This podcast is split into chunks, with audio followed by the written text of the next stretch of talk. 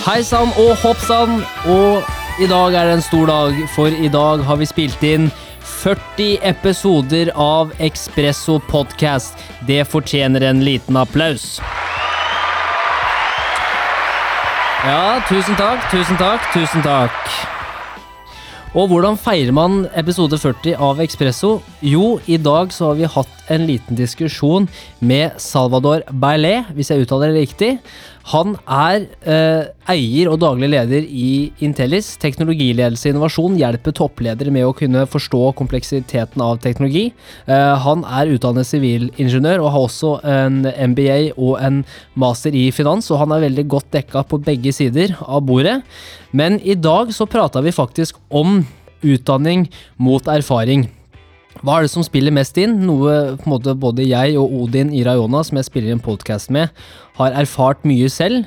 Så vi vil gjerne finne ut litt mer om hva slags tanker har en erfaren person innenfor norsk næringsliv om nettopp det her. Hvordan kommer fremtidens eh, måte, utdanning til å se ut? Hva slags krav kommer til å bli stilt da til de som blir utdannet i morgen? Og noe annet også som vi har tenkt litt på for denne episoden, er rett og slett når man ser at det er mulig å ta utdanning eh, fra sofakroken hjemme, hvor du kan ta utdanninger og kurs og sertifikasjoner over nett, alltid fra Yale, ikke sant, Harvard, eh, hva enn det skulle være, og du kan gjøre det fra sofakroken. Hvordan utfordrer det da det etablerte utdanningssystemet som vi har i Norge, når alt blir så mye mer tilgjengelig? Så det her var en utrolig spennende episode. Snakket også litt det om hvilke valg ville Salvador ha tatt hvis han hadde vært 25? Hvordan finner man sin lidenskap? Det spurte jeg Salvador om. Han hadde ingen silver bullet for det. Men eh, det er et spørsmål som jeg syns er viktig, for veldig ofte så, så, sier man at du må bare følge din lidenskap. You gotta follow your passion, ikke sant? Og eh, når jeg hører det, så blir jeg litt forvirra, for det, hvordan kan man vite det? Eh, med mindre man har prøvd. Så jeg tror det vi som kan kalle essensen med denne episoden her, er rett og slett å bare følge det man liker å gjøre, det man syns er gøy, og teste ut nye ting, og kanskje bruke da tidlig 20-årene på å gjøre nettopp det, før man finner et, eh, et eh, fast beite, da. Så jeg håper du får veldig mye ut av denne episoden her, håper du finner den interessant. Gleder jeg meg til neste episode av Ekspresso, og ønsker deg en fortsatt fin dag. Denne kan nytes, åh, den kan nytes, vet du. Med morgenkaffen. Kan nytes på vei til jobb, på vei tilbake fra jobb, når du trener. Her er det masse muligheter. Her er episode 40 med Salvador og utdanning mot erfaring. Hos deg.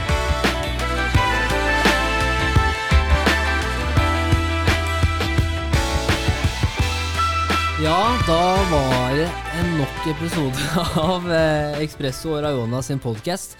Og eh, i dag så skal vi prate med Salvador.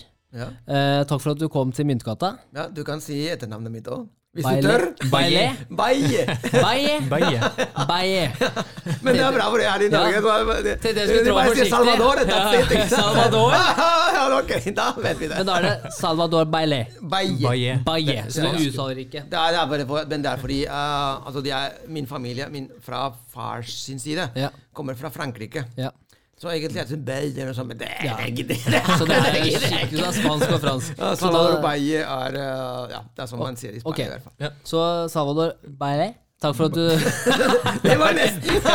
Hold deg til fornavnet, du, Henrik. hold meg til fornavnet. Salvador. Ja. Så, ja. Yes, så jeg heter Odin, jeg også. Ja. jeg er også Odin her i dag. Uh, Salvador, hvorfor Norge? Hvordan kom du Ja, ja fordi jeg traff en jente i Tyskland som var uh, norsk, og så og så så jeg Hvordan møttes dere? Mm? Hvordan møttes dere? I Tyskland. Ja, men, det, var, det, var, en, en utveksling med, med, studenter. Men jeg sa, Det er mye måter å møtes på, men hvordan møttes dere i Tyskland?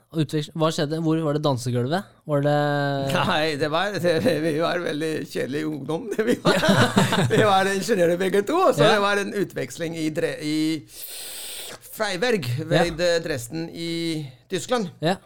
Og så, og så var det en gruppe med studenter i 20-åra, og ting skjer, da! Ja, ting skjer. Jeg husker det. så jeg husker at jeg uh, nå, er vi, nå er vi skilt, da. Men, ja. men, jeg husker at jeg så henne første gang jeg så henne, ja. så tenkte jeg Oi, det er hun. Ja. Det tok rundt ja, en halv sekund. sekund det, det, det, et sekund. Det var det, det, var Det er hun. Det er hun. Det er hun. Jeg husker fortsatt hva, hva slags klær hun hadde på seg, og hvordan hun smilte. Da. Sånn, sånn Yes! Ja. Du vet ikke det ennå! ja. Så det var uh, Jo, det, sånn. Og så hadde vi øh, long distance-forhold i noen år. Mhm. Så de pyser som er der ute og så sier at det er ikke mulig med long distance. Vet du, ja, jeg har to barn til og med med den, Ja. med den dama. Selv uten Zoom, Teams, Uten Zoom, sammen. uten Teams. det var i 19, jeg traff henne i 1994. Det var knapt internett. ja. Egentlig var det ikke internett. Var det faks? Ah, Hvordan var det? Var, ja, det? det, Brevbue, det var en brevsignaler. gammeldags, god gammeldags eh, post, da. Men, post? eh, Ja. Altså brev. Brev, ja, ja. Kjære Tone! Men hvordan, eh, hva, slags, hva var sjekkereplikken din når, du- når du skulle fortelle henne at hun var the one? Å, skal Nei um, Kommer du hit ofte? Var det den? Nei, altså det var en utveksling, så vi gjør alle sammen. Men, uh, men uh, jeg fikk inntrykk av at det gikk bra, da. Mellom, vi fikk god kontakt, vi to. Og så, og så var det sånn studentfest der ja. med utvekslingsstudenter. Og så, jeg, så var hun der også, og så begynte vi å prate, og jeg tror det tok et minutt før Ja, jeg du, trenger spurte du, trenger ikke, å- snakke om det. Nei, nei, jeg nei, men eh, det tok, jeg tror det tok ett minutt før jeg spurte henne om hun ville gå ut. Ja. på, på det var en sånn hage ute. Ja, Og da skjedde ting. da var det gjort. Da var det gjort. Da var det gjort. Altså, gjort, gjort, ja, ja, det var veldig bra. Da er vi allerede etter to minutter inn i podkasten så har jeg allerede lært eh, hvordan sjekke utvekslingsstudenter. Kjempebra. Er, eh, Når du er i 20-åra. Når du er i 20-åra. På 90-tallet. Men eh, vi skal jo ikke snakke om eh, sjekkereplikker i dag. Det får bli en annen episode. Men Ja, en hvordan sjekke opp utvekslingsstudenter med Salvador. Yes. Men, uh, men i dag så Vi hadde jo en liten samtale på LinkedIn i forhold til noe som er litt interessant i skrivende stund. eh, og det er jo på en måte utdanning versus erfaring. Og du nevnte jo at du hadde en sønn som akkurat har begynt å jobbe for en startup. Yep. Og det er noe som interesserer deg. Og det vi ønsker å finne ut ut i dag, er jo rett og slett ha en samtale om balansen mellom utdanning og erfaring. Eh, jeg også, når jeg studerte, jeg vet med Odin også, vi gjorde utrolig mye ved siden av. Odin drev også i egne oppstartsselskaper, jeg drev i egne oppstartsselskaper og jobba veldig mye i på en måte, den tidlige faseselskaper. da, og Fikk utrolig mye lærdom av det. og Nå er jo ikke professor eller foreleseren vår Tor her til å si det, men jeg må jo si at det var veldig interessant alt det jeg gjorde ved siden av studiene, og lærte mye av det. Hva, hva, nå som du ser sønnen din også har begynt å jobbe for en oppstartsselskap, og din erfaring også, kanskje du skal ta en kjapp intro om deg selv, og hva du Ja. også gjør? Ja, men med en liten, en liten um, bare presisering. At uh, sønnen min er 17 år gammel. Ja. For det, han kunne vært 30. det hadde kanskje ikke vært så interessant. Det er- det er viktig, Men han er er 17 viktig. år gammel, og han er, går på videregående. Ja. Uh, så det er, det er det som kanskje gjør uh, saken litt interessant. Yes. Um, og um, det selskapet, ja, hvis det er greit å si, Ja, jeg det heter Markitect. Og det er de første selskapene, vil jeg tro, i Europa som driver med uh, re reklame og, og kommersialisering via Amazon. Mhm. For norske bedrifter. Ja. Som et konsulentfirma for å selge på Amazon. Ja. Så det er, uh, og jeg, jeg så at uh, Erik var interessert i det. Han hadde bygget uh, litt e-commerce-sider, han også. Og så tenkte jeg at det kanskje er en mulighet for begge parter, og han, ja, nå, nå jobber han der. Ja. Veldig bra. Og for de som ikke har hørt om Salvador før, hva gjør du? Altså, kan du litt om din Jeg- erfaring ja. og, og sånn? Ja, jeg kan uh, hele min erfaring. Uh, men uh, jeg, jeg kom til Norge i år 2000. Og uh, før det også, i, i alle disse årene, det har gått 20 år nå, uh, så har jeg alltid jobbet med innovasjon, um, forretningsutvikling, hardcore, altså. altså mm. den med altså down to earth, dirty greier. Um, og uh, produksjon av hardware, software, uh, hardware med embedded software. Uh, kommersialisering ut, altså for uh, mm. internasjonalisering, for eksport. Um, mm, teknologiledelse. Jeg er sivilingeniør i bunn. Og så har jeg en MBA fra Barcelona og en master i corporate finance fra BI. Ja. Og det syns jeg at gir i hvert fall en fordel når det kommer til å forstå alle sider av et innovasjonsprosjekt. Ja. Fordi det er eh, veldig komplekse greier. Og det er ganske interessant å, å se at hvis du, du mangler Hvis du er veldig teknologisk entusiastisk, men du mangler den finansielle siden, så ender du opp uh, gjerne med å, å tape masse penger mye, veldig fort. Ja. Um, hvis du derimot ikke, ikke har en, en, en teknologisk base, så må du, som det skjer mye i Norge, at en eller annen form for uh, entreprenør som må um, outsource alt som er uh, utvikling, Yes. til uh, andre land. Fordi det er billig, vet du! Og kanskje ikke så billig allikevel. Ja. Og de, de har ikke kompetanse eh, til å ha kontroll over Ikke kontroll bare, men, men bruke language. Ja. Altså, det sp- tanns- Tegnspråket for å kunne fortelle disse utviklere ut, utviklerne i utlandet hva de egentlig skal gjøre. Ja. Um, så det er, det, det, det er en Det betrakter jeg som en av mine styrker. Um, så jeg har jobbet i store, mellomstore og små bedrifter. Jeg jobber en del med, som mentor for startups. Uh, i, min, uh, I min rolle som, uh, som daglig leder i Intellis, min egen konsulentbedrift. Innenfor selvfølgelig teknologiledelse, teknologi, ledelse, innovasjon, forretningsutvikling. Um, og så er jeg, her jeg er også en rolle, uh, en deltidsrolle, som partner for mentoring og investor relations i Agrator. Eh, inkubatoren for en uh, renere, bedre verden. Mhm. Som eh, ja, er arvtakeren etter Inkubator Ås. Ja. Og Ås. Og da ble det Da er jeg veldig stolt av den snuoperasjonen som vi har gjort, gjort der. sammen med Bjarne Tvete, og, som er sjefen der, eller administrerende. Og Tone Bliksøen, og så Stein uh, Mjøndal. Um, vi har snudd veldig eh, fra økonomien til konseptet. Mhm. Og eh, vi har doblet antall selskaper som er nå i Agrator. Eh, Vi har veldig store, eh, høye satisfaction-nivåer da, Mhm. blant medlemmene, selskapene, startup som er der. Eh, Vi har en del selskaper som har en, hentet utrolig mye penger, og som er eh, blitt kjendisselskaper i Norge, som eh, kanskje har hørt om Saga Robotics. Mhm.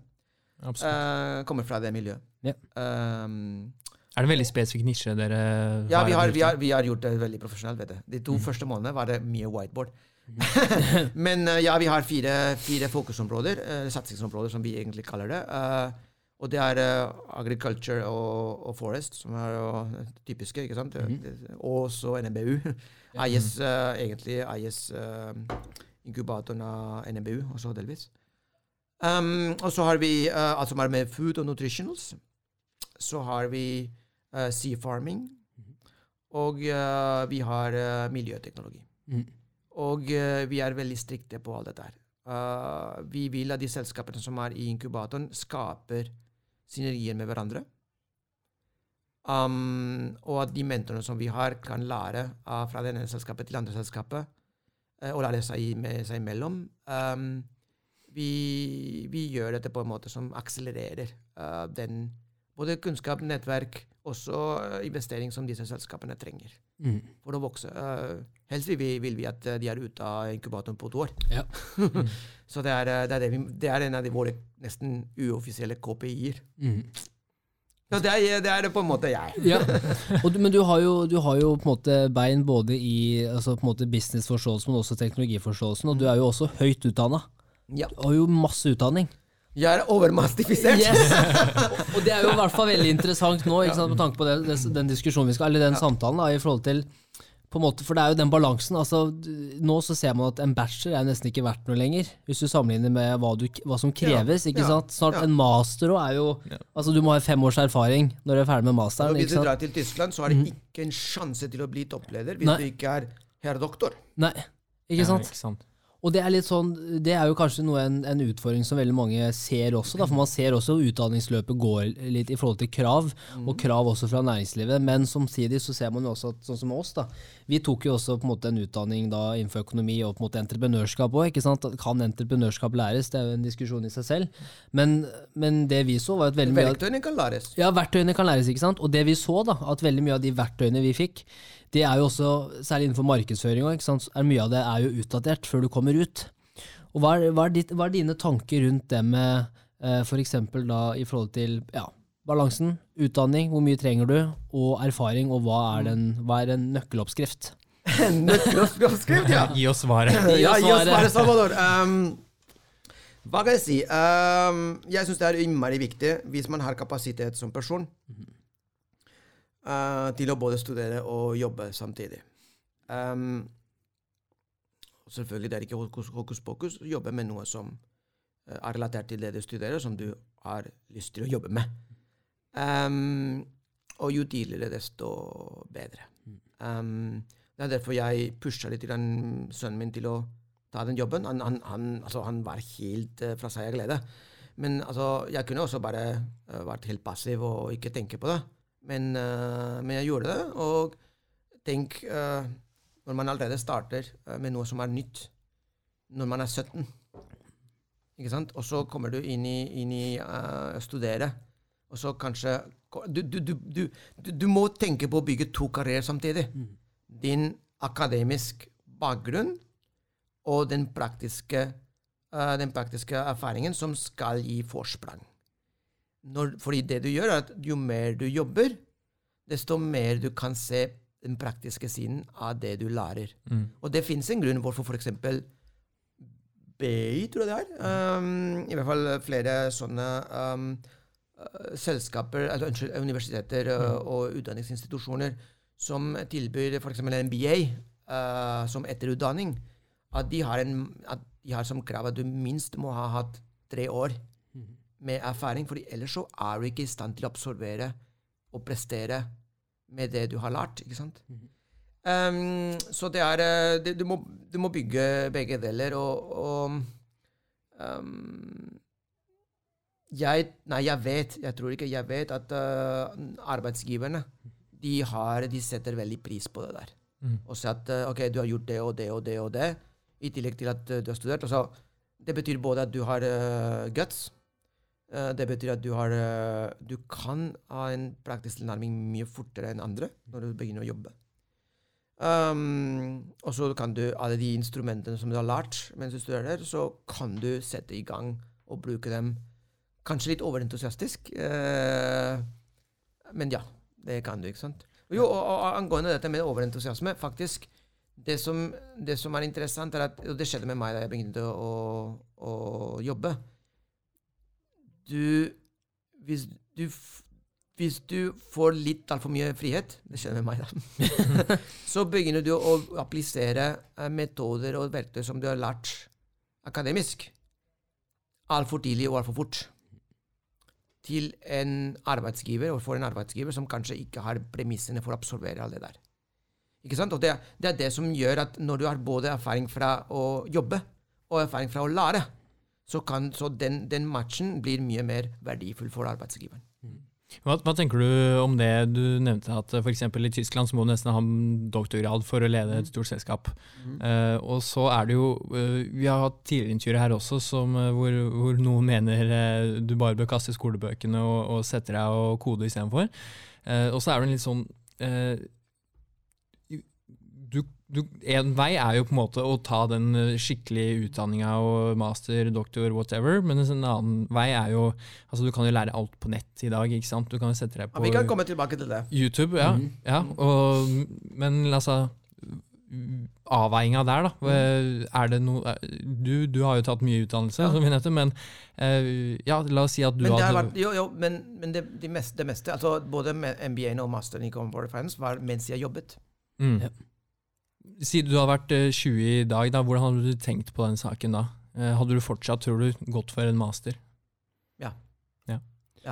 Um, men igjen, da hadde jeg prøvd å kombinere med, med jobb.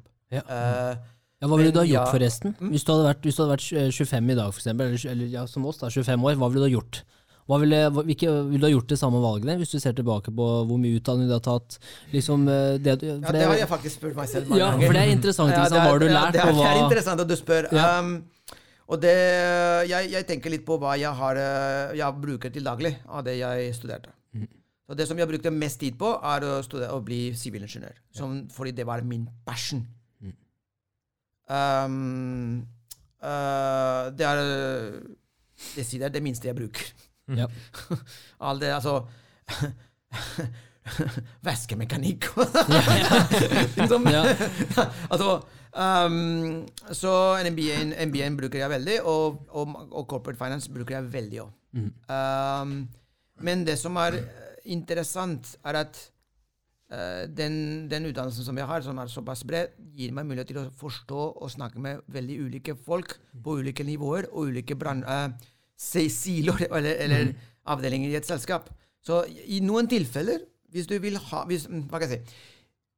For hvis, i, noen, I noen karrierebransjer Mm. på noen karrierebransjer så tror jeg at, at dette med å ha stor og solid, altså øh, bred og solid utdannelse kan være veldig, veldig viktig. Um, andre, I andre, andre karrierevalg kanskje ikke så mye. Altså, jeg, hvor mye utdannelse har uh, Mark Zuckerberg, da? Eh, for å si det sånn. Mm.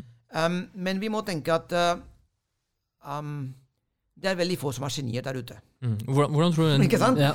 Og, og, og, og bare si at 'nei, jeg kaster alle bøker fordi jeg, jeg skal bare kode', og bla, bla. Er du geni, da? Er du sikker på at du er geni? Og hvor mange prøver seg på samme måte og ikke lykkes så godt? Ja. Og, eh, og så er det, så er det, det hvis, du, hvis du ser på alle disse unntakene, outliers Så de fleste av dem har egentlig eh, skaffet seg en annen form for konkurransefortrinn som de ikke visste at det var, før en endring i samfunnet skjedde. Og da var de plutselig supergodt posisjonert til å ta den posisjonen, til, til, å, til å ta advantage av det. Um, og med riktig timing, riktige kontakter Uh, Mora til Bill Gates, som, var, uh, som satt i, som rektor i et universitet, et universitet, som tilfeldigvis hadde en stor maskin der Bill Gates kunne lære seg å programmere der det ikke var så viktig. I hvert fall for en, for en ungdom på den alderen. Og så i tillegg jukset han med hvor mange timer han, han, han hadde, for jeg fikk jo lov til å, til å programmere. Altså, Det er sånne ting, eh, det er en, faktisk en bok som heter Outliers, som snakker litt uh, med, mye om det der. Så veldig ofte, det du sier også er at uh, Man hører jo veldig ofte i media om disse personene som bare har hoppa av studiene ditt og datt, og så bare boom, har de blitt entreprenører Ja, mange, eller ditt og datt. hvor, mye hører, hører vi om, om, om de som har gjort akkurat det samme og ikke har klart seg? Ikke sant? Ja, ingenting. Og så- men, men det du sier også da, er at de gjerne har begynt med noe, og så har ikke liksom eh, Altså det er ikke intentional, altså de har ikke begynt med noe for de, fordi de tror at det kommer til å gi dem kjempestor fordel i arbeidslivet senere. De har bare begynt med det, og så Oi, plutselig så Ja. hadde man bruk for Og- og- kunnskapen ja, deres. Og det, det er vel, når- man, og det er når man snakker om veldig store formuer. ikke sant? Mm. Om det blir laget sånn. Eh, og det skjedde også eh, under den tidligere industrielle revolusjonen. Alle de store Vanderbilt og sånne Ja, andre, og Carnegie-navn osv. Akkurat samme mønstre. Eh, mens JP Morgan, Ja. bank, bank, bankieren som egentlig ga dem alle penger, han var veldig godt utdannet! han, og han tjente akkurat, i hvert fall så mye penger som dem, eller mer. ikke sant? Ja. Så det er, uh, også, jeg, har en, jeg har en del venner uh, som er på min alder og omtrent, og som noen av dem har eh, utdannelse som jeg, og noen har ikke det. Og eh, vi har hatt noen diskusjoner rundt det der, da, fordi det er noen av dem som har klart seg veldig godt i livet. Og som jeg har sagt til dem, at utdanning er en vei til suksess. Mm. Du kan ha andre, Ja. men det er en vei til suksess. Og det, det ligger mye i hvordan du ser på verden, og du egentlig, hvem du egentlig er. Det er folk som ikke liker å studere. La den være, da. Men det, det er to ting. da. Det ene er ofte når du prater om de outliers, altså de som på en måte er så på ekstrempunktet, da, som lykkes, er hvor ofte er det man faktisk tar den diskusjonen at sant, Hvor er det flaks kommer inn i bildet? At de er på riktig sted til riktig tid. Og jeg, jeg føler altså det er veldig, det er ikke ofte man prater om det. At man liksom, for jeg merker det selv, og det er mye av det jeg har gjort, er at ja, jeg kan sette meg ned og så kan jeg si sånn, ja, men det var fordi jeg er unik, og det er fordi at jeg er så god i det jeg gjør. Men så har jeg også noe som kalles selvinnsikt. Så da skjønner jeg ganske fort at jeg var også veldig heldig, for jeg var på riktig sted til riktig tid. Ja. Og det hører man ikke så mye ofte om.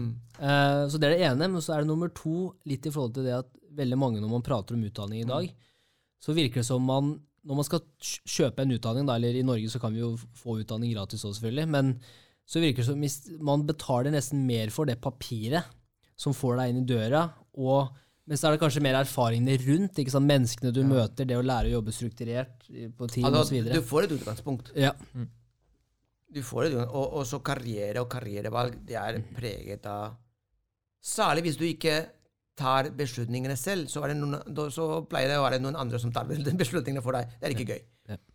Um, men uh, men det, du får et utgangspunkt som prinsipielt sikrer deg en, en viss uh, bunn. Og, uh, og det gir deg også mer Det papiret, den kunnskapen, gir deg også mer frihet til å velge.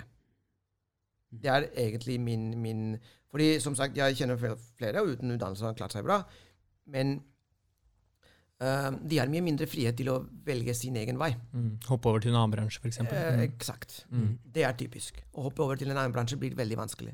Med mindre du er veldig, veldig god. Mm. Ja. Eh, det må være veldig relatert, i hvert fall. ikke sant? Um, så det er, det er sånne du, du får mer fleksibilitet, du får, får mer, mer frihet til å velge, og um, det er alltid positivt. Og, og dette du sier med flaks og Altså, jeg har også reflektert over det, da. Og det som jeg og, så hvis jeg ser på livet mitt, så har det vært ja, flaks og uflaks, og det har vært sånn jevnt distribuert som de fleste har. ikke sant? Um, men jeg har alltid vært veldig flink til å se mulighetene og bruke dem. Og istedenfor å, i for å se på 'Skal vi danse'. Ja. Nei, men det, det, det, er- det er sånn det er. Mhm. Altså, jeg kjenner ingen altså Selvfølgelig finnes det unntak, kanskje, men jeg, jeg kjenner ingen som ikke har gjort suksess, eller har klart seg bra i livet, eller er um, betraktet som en, en, en, noen, som en referansepunkt, som ikke har jobbet veldig mye. Ja. Man kommer ikke unna det. Nei. Nei. Og jo mer grunnlag du har, uh, teoretisk grunnlag du har gjennom en, en, en utdannelse, f.eks., desto mer du har, mer sånn uh, um, brekkstang du har for å gjøre mer ut av de timene som du må Ja. begrave i, de, i, i dine mål. Mm. Men, men det er det altså du, du kan ha god utdannelse og, og se på Skal vi danse og på kvelden, eller du kan ha god utdannelse og jobbe mye mot en del mål som du kanskje har i livet. Jeg hadde, det kan jeg bare si um, um, Da jeg uh, jobbet i Telenor, i Telenor New Business som investment manager, jeg tror jeg første Nei, det var før, ja. Altså, I intervjuene, da. Før jeg skulle jobbe der. da. Og så han eh, som, var, som ble min sjef, da, som spurte meg Salvador, hva er det du egentlig vil? Så jeg, jeg vil, og så sa jeg jeg vil være en av de mest anerkjente i Norge på uh, foreningsutvikling og innovasjon. Og så har jeg jobbet konsekvent mot det der, fordi jeg syns det er morsomt. Ja. og fordi jeg syns det er viktig. Ja. Um, så, og det har, vært, eh, det har vært en kamp, og, og det er ikke alltid jeg har klart det. Men, men hver gang jeg har hatt en mulighet, har jeg tatt den muligheten. Jeg har kjempet for den muligheten. Ja. Jeg har- jeg ligget uh, hjemme i senga og tenkt hva er mitt neste skritt? Mm. Den, den podkasten som dere, dere har hørt uh, med skifter mm. Jeg hadde brukt jeg, jeg, det, det, var, det var ikke første forsøk. Jeg, prøv, jeg hadde prøvd i hvert fall i tre år. Med, først med video, så egentlig ville ville jeg ha video, men så jeg var mer åpen etter hvert. ble jeg mer åpen for andre måter. ikke sant? Men, men det var, det var sånn jeg, jeg vil være der ute, og jeg vil si hva jeg mener om temaer som er veldig viktige, og som jeg leser folk som egentlig skulle vite, ikke vet. Eh, Ikke vet nok. Ja. Jeg vil hjelpe. Og så brukte jeg Altså, jeg prøvde meg med flere aktører i mediebransjen, men de ville ikke De så at de tenkte at det var eh, Nei, det var sånn Nei, ikke nå, eller det var altfor risikabelt. Ja. Og så Og så Så foreslo jeg det samme for, eh, for Lukas. Vi hadde et møte i 2017. Eh, en whiteboard, et møte. Han og jeg. Kjemien. Yes! Hvorfor det? Skifter hadde samme mål som meg. Det skal, vi skal hjelpe. Og så startet vi med den, med den podkasten som ble har blitt veldig, Det ble veldig populær, uh, populær veldig fort. Ja. Men det er, det er dette med å være klar over hva du vil, og hvilke mål du har. Og så bruke, bruke hver eneste mulighet du har. Show up.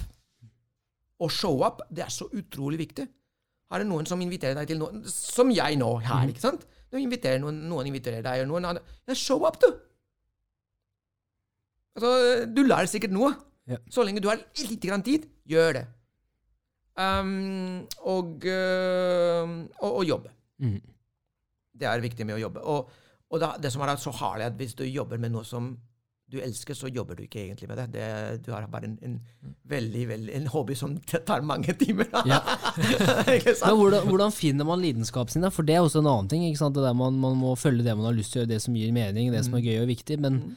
for det er også noe jeg ofte hører folk snakker om. Følg lidenskapen din. Eller follow your passion, da, hvis du ser Ja, på det amerikanske. Men er, hvordan finner man lidenskapen sin? Ja, det, det kan jeg ikke hjelpe deg med. jeg, jeg hadde den fordi um, det, har, det er som alt i livet. Sånn, jeg, eh, min far er også sivilingeniør, så jeg av en grunn så syns, jeg syns at fortsatt at min far er Han har sine greier, men uh, han, er, han er en ålreit type. Yeah. Han som, som fortalte meg i hvert fall ting om hva som skjedde på jobben. Jeg syntes det var veldig spennende. Og, um, Og plutselig blir det, veldig intimt, da. Men, men uansett, eh, poenget er at det er veldig personlig. Det skjer, det skjer jo, ja, men, ja, men det skjer Det har folk faktisk sagt. At det blir veldig Det, blir, det vi liker å si, er at vi tar eh, seriøse folk. Her som en sånn, Det er veldig, eller, for de som ikke ser, da, så er det levende lys her nå. Jeg og Odin sitter i singlet. Singlet og Det er veldig intimt. Det er veldig, nesten skremmende. Salvador sitter i dress, men vi i singlet. Ja, vi, vi, vi tar seriøse folk i en useriøs setting. Eh, men poenget er at jeg, jeg, jeg bestemte meg veldig tidlig på da, jeg- da jeg søkte på studiesteder, da, så søkte jeg bare på to etter skolen skolen. Så søkte jeg bare på to steder, begge to som, for å bli sivilingeniør. Og det, jeg hadde ikke altså, ingen andre Nei. eh, Ingen andre valg. Nei. Så jeg, hadde, jeg vet ikke hva som hadde skjedd hvis jeg ikke Nei. hadde fått det. ikke sant? Um, og når- da i studie og studere i sivilingeniør. Men ok, dette med, dette med uh, passion um, um, Ikke alle har passion. Jeg syns det er helt greit, det. Når fant du passion for teknologi? Eh, når du kom ut fra sivilingeniørstudiet? Nei, altså før det. Før det? Så det var den som type Ja. brukte som mekaner og, Ja. og leger. Og Så det er mer sånn gjorde hardware- rare greier ting? hjemme og eksperimenterte. Ja. Og, og ja, ja. Så Mm. det er eh, Hvordan ser du på det med de som kommer rett fra studiene ut i jobb? Hva er på en måte største utfordringen?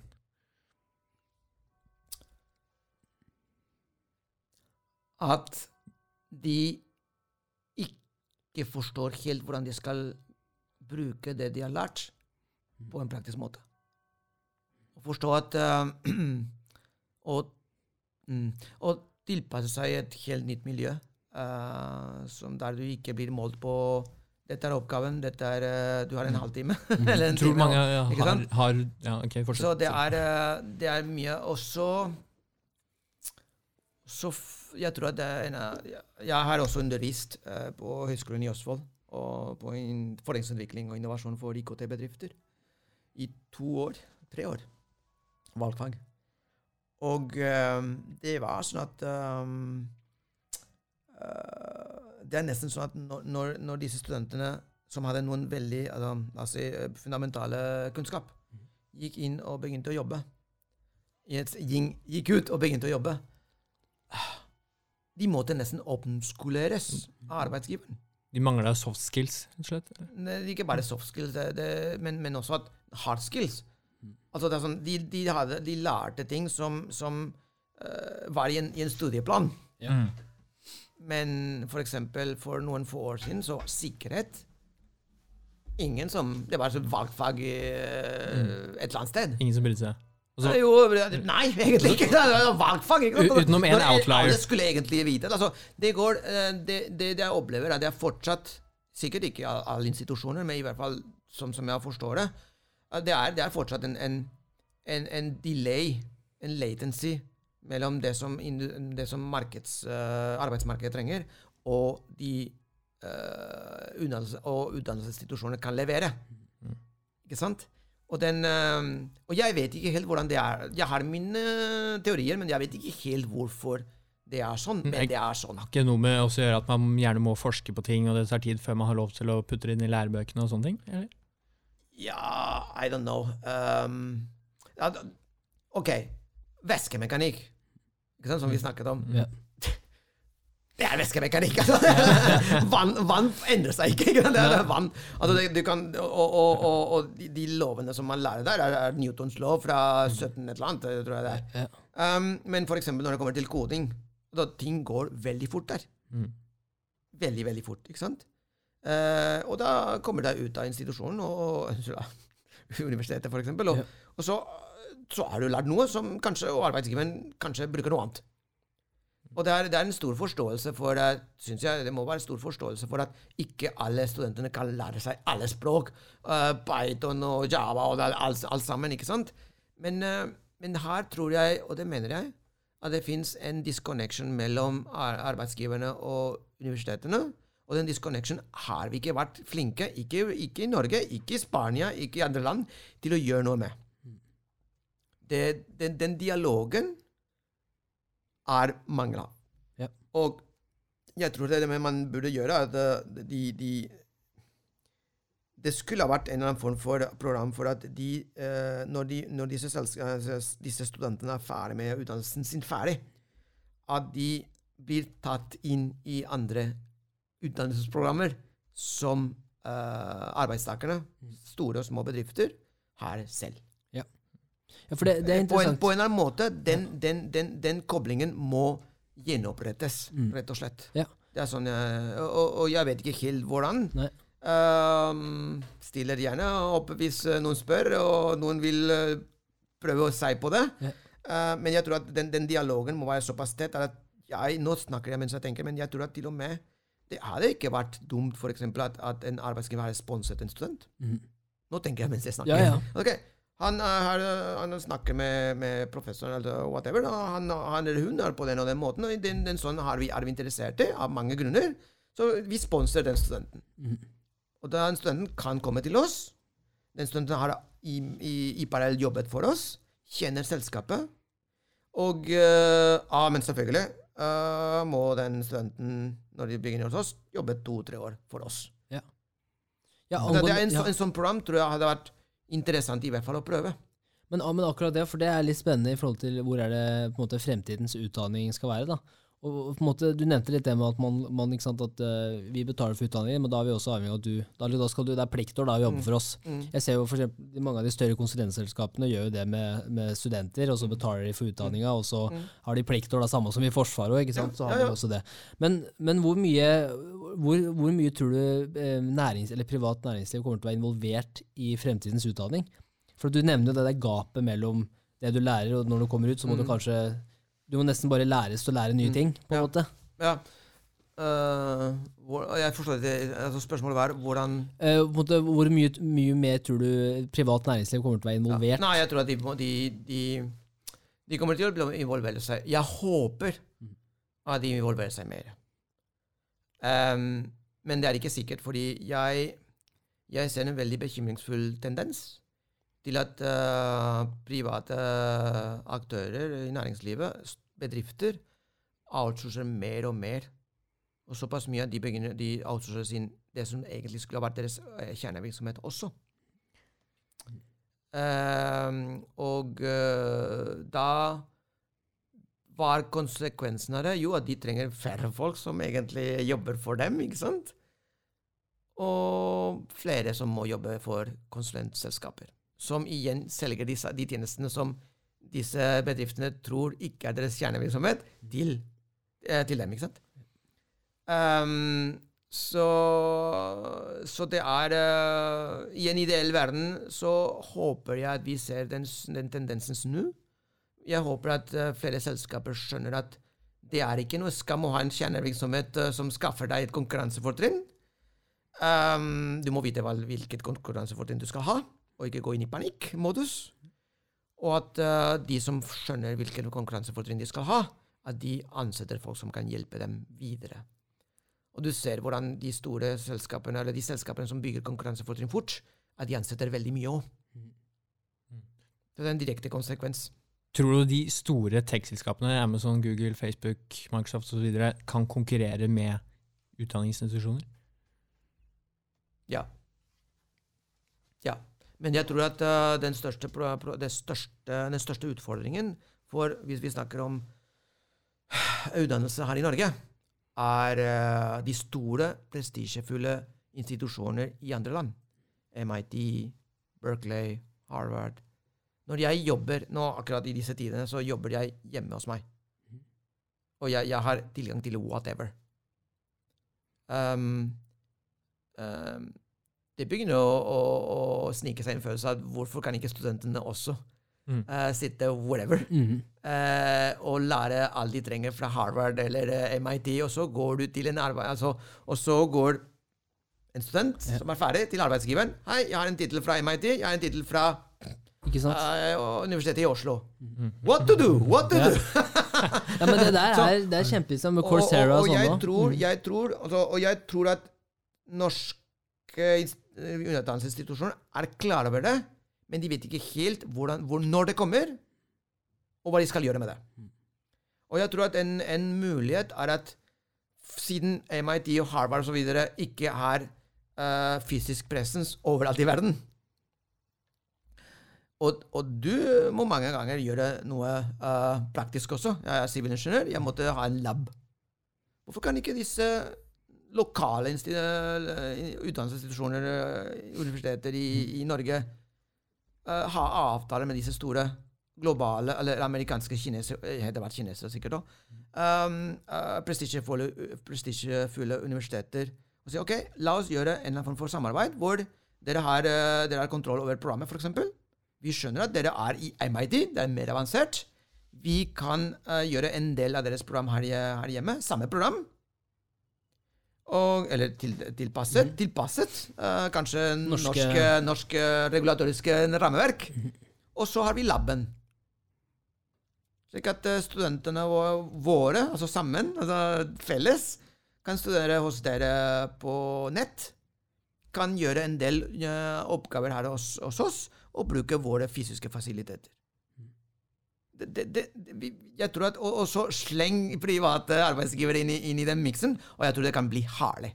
En herlig, herlig cocktail. Ah, jeg, jeg, tror det er, jeg tror det er en herlig avslutning også. Ja, jeg Det tror vi får ta deg på ordet og si at uh, du, du møter opp, og det, Ja. det setter vi pris på. Og vi kommer sikkert til å invitere deg igjen, som vi snakket om før vi gikk på her. Definitivt. Kommer en, kommer en del to. kommer en del to, og så vil jeg bare det siste spørsmålet er hvis du kunne Som du sier da, når du tar litt utdanning hjemmefra ikke sant, over hele verden med Harvard og MIT, og det er ikke måte på Hvis, hvis det er en eh, kompetanse eller en utdanning du skulle ta til deg, altså, hva, hva slags utdanning tar man i dag? Hva slags kompetanse er det man Å, ja. trenger i dag? Hva ville du anbefalt? Du kommer til å drepe meg, du vet det. Ja, Uh, lawyers. altså al- Man bør bli advokat? Ja, jurist. Ja. Og jeg skal fortelle deg hvorfor. ja. Um, det har kommet uh, Dere vet han Talib som skrev uh, The Black Swan? ja. Ok. Han har kommet med en ny bok Mhm. som heter Hva er det han Hva er det? Uh, Unfragile. Unfragile. Ja. Og hele teorien går på at uh, det er ikke nok med å være robust. Det gjør deg sterk, men det er ikke nok. Det som er viktig, er å være unfragile. Det betyr at du trives i kaos, og de endringene som, er- som, som, f- uh, som skjer rundt deg, gjør deg sterkere. Vi, ikke i en, de går ikke i en verden som blir enklere eller mindre komplekst. Vi kommer faktisk, de går inn i en verden der lovene blir subject to uh, interpretation. Og vi Og alt det der kommer til å gjøre at advokater, ju, jurister, kommer til å ha mer og mer å gjøre. En del av det blir erstattet av AI, selvfølgelig. Men det som den, den, det, det, som advokatene egentlig skal være gode på, å, å tolke, forme og, eh, og hjelpe med, med eh, å bruke loven, det blir Jeg kan ikke skjønne at det blir mindre av det. Mm. I en verden som blir mer og mer uforutsigbar. Ja. Og ikke minst i forhold til teknologi. Advokater som har en fot i teknologiverden. Kanskje finner vi folk etter hvert som er ingeniører og advokater. Jeg kjenner ingen. Nei. Mye ingeniører og MBA. Uh, ingeniører kanskje til og med finans, men ingeniører og advokater? Jeg kjenner ingen. Kanskje det er der eh, vi finner en framtid for eh, vår ungdom. Det er en meget interessant cliffhanger. Jeg gleder meg allerede til neste episode. Ja. Rett og slett. Ja, vi, vi, og så tar vi tar en episode om ti år og ser hvordan det går ut. Veldig bra. Og eh, Salvador, nå sier jeg ikke etternavnet, men det lærte jeg innledningsvis. Tusen takk. Tusen takk til dere.